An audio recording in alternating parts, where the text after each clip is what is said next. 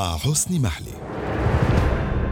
بعد أن أعلن الرئيس أردوغان عن موعد الانتخابات الرئاسية والتشريعية في الرابع عشر من مايو أيار القادم وهو ما يحتاج إلى قرار من البرلمان بموافقة الثلثين أو مرسوما رئاسيا يحل بموجبه أردوغان البرلمان ويدعو إلى انتخابات قبل الموعد المقرر وكان ذلك في الثامن عشر من حزيران يونيو. فتركيا تشهد الآن نقاشات مثيرة حول العديد من الأحداث والتطورات الداخلية والخارجية بتأثيراتها على الداخل.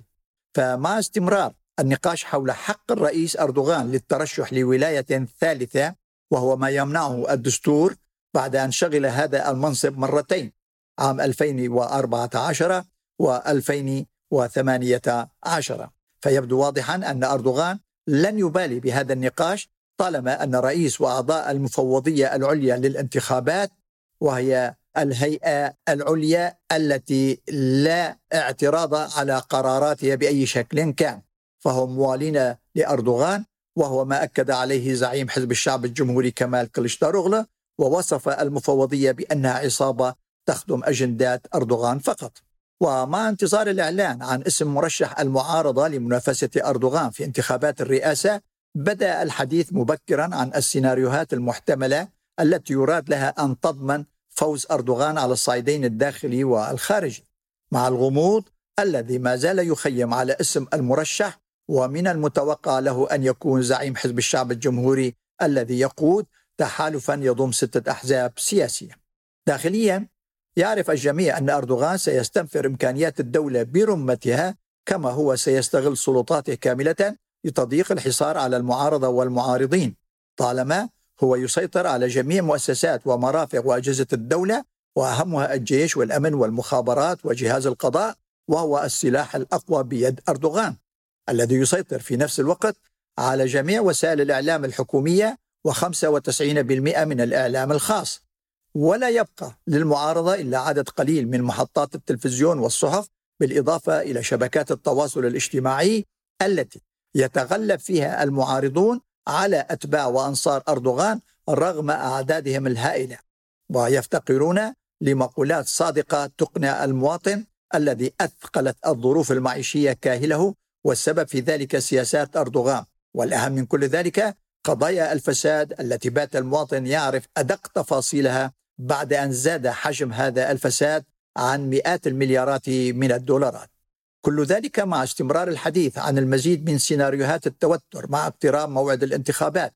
ليساعد ذلك أردوغان على شحن الشعور القومي والديني لدى أتباعه وأنصاره وهو يقول لهم وللخارج أن البديل له هو ستة أحزاب سياسية وهو ما سيعني المزيد من عدم الاستقرار السياسي وبالتالي الاقتصادي والأمني داخليا وخارجيا. وهنا تتحدث المعلومات عن تأثر معظم العواصم المهتمة بتركيا بهذه الدعاية وبدليل أن رئيس بوتين قدم ويقدم لأردوغان كافة أنواع الدعم المباشر وغير المباشر طالما أن أردوغان بدوره يقدم له المزيد من الخدمات في حربه ضد أمريكا والأطلسي بسبب الوضع في أوكرانيا. فالمعلومات التي تحدثت عن مساعدات مالية روسية وصلت إلى 20 مليار دولار وتأجيل ديون تركيا المستحقة لروسيا إلى العام القادم.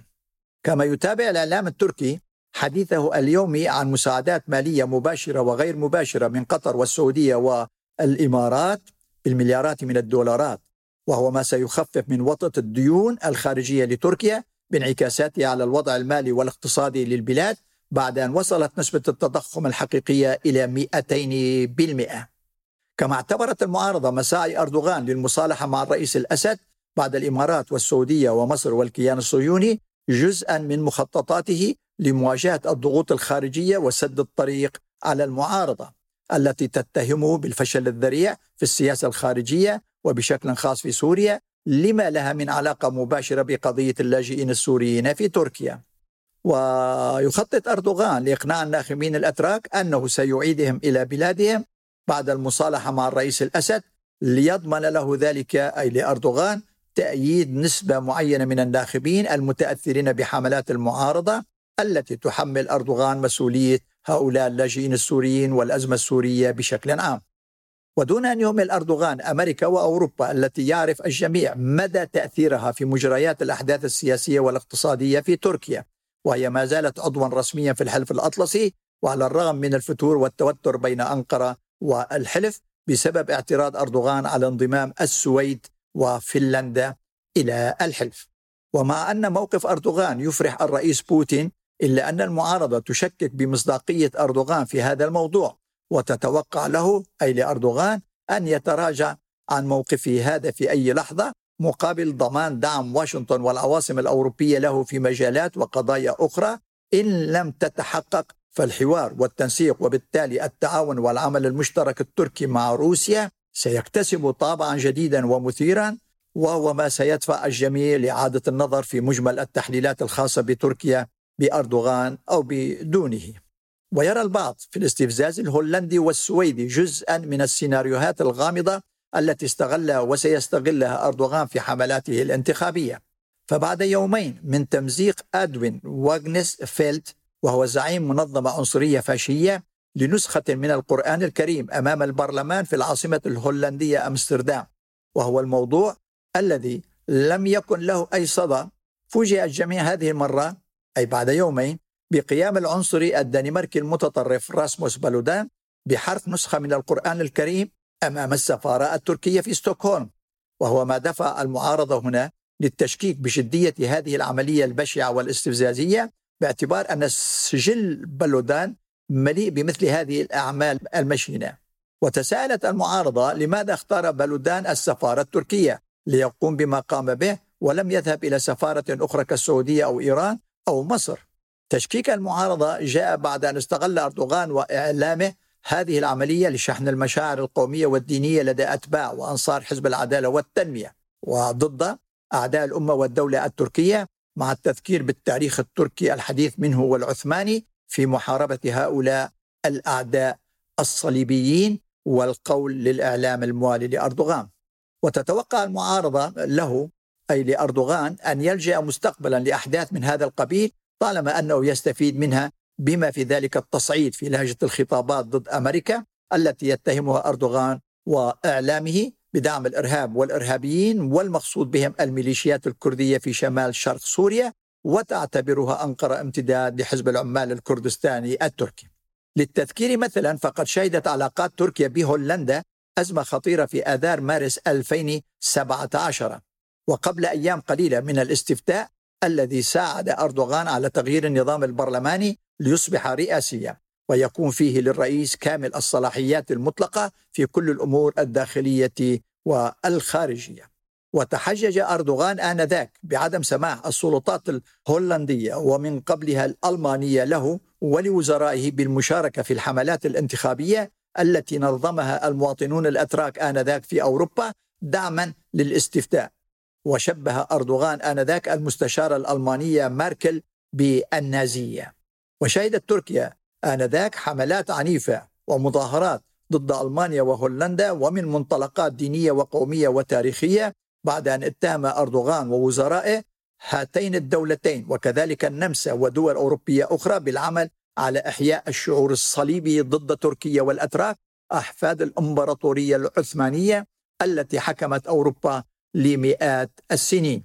ويسعى أردوغان وفريقه منذ فترة وبشكل خاص بعد ما يسمى بالربيع العربي ودور تركيا فيه لإحياء ذكريات هذه السنوات الطويلة عبر المسلسلات التلفزيونية والأفلام التاريخية التي تتحدث عن عظمة وأمجاد هذه الإمبراطورية. وهو ما يدغدغ المشاعر الدينية والقومية لدى المسلمين في البلقان وهم من بقايا الحكم العثماني التركي كما هو الحال في البوسنة وبلغاريا واليونان وكوسوفو وألبانيا بالإضافة إلى حوالي 5 مليون تركي يعيشون في جميع الدول الأوروبية. وبشكل خاص ألمانيا وهولندا والنمسا وفرنسا. وذهبوا إليها في أواخر الستينات من القرن الماضي للعمل فيها وهم الآن قوة مالية واجتماعية ونفسية لا يستهان بها حتى لو كان نصف هؤلاء من الأكراد والعلويين واليساريين وهم ضد أردوغان. وترى معظم الحكومات الأوروبية في هؤلاء الأتراك خطرا على مصالحها القومية بعد أن نجح أردوغان في كسب الجاليات العربية والإسلامية في أوروبا إلى جانبه بعد خطاباته الحماسية عن قضايا الأمة الإسلامية. وأهمها فلسطين وبعدها دعمه للإسلاميين في دول الربيع العربي. ودون أن ينتبه غالبية هؤلاء الإسلاميين أن أردوغان تخلى عنهم وعن قضايا أمتهم حيث صالح الكيان الصهيوني وعلى حساب الشعب الفلسطيني وقياداته الإسلامية التي طلب منها أردوغان أن تغادر تركيا إرضاء لتل أبيب كما هو طلب ذلك من إخوان مصر إرضاء للسيسي. وكان العداء له أي السيسي وللكيان الصهيوني مادة دسمة في جميع حملات أردوغان الانتخابية السابقة وهو الآن بحاجة لمواد انتخابية جديدة يستخدمها في حملته الانتخابية القادمة. ويبدو أن أعداءه الصليبيين في الغرب كما هو يسميهم مستعدين لمساعدته في هذا المجال بشكل مباشر أو غير مباشر عبر المواقف الاستفزازية كما هو الحال في حرق نسخة من القرآن الكريم أمام السفارة التركية. وإلى اللقاء في حلقة جديدة من بودكاست من الأناضول وسيكون فيها دون شك الكثير من المفاجآت مع اقتراب موعد الانتخابات وهي مصيرية بامتياز. ليس فقط لأردوغان وتركيا بل لكل الدول التي يهمها أردوغان الذي يحكم البلاد منذ عشرين عاماً.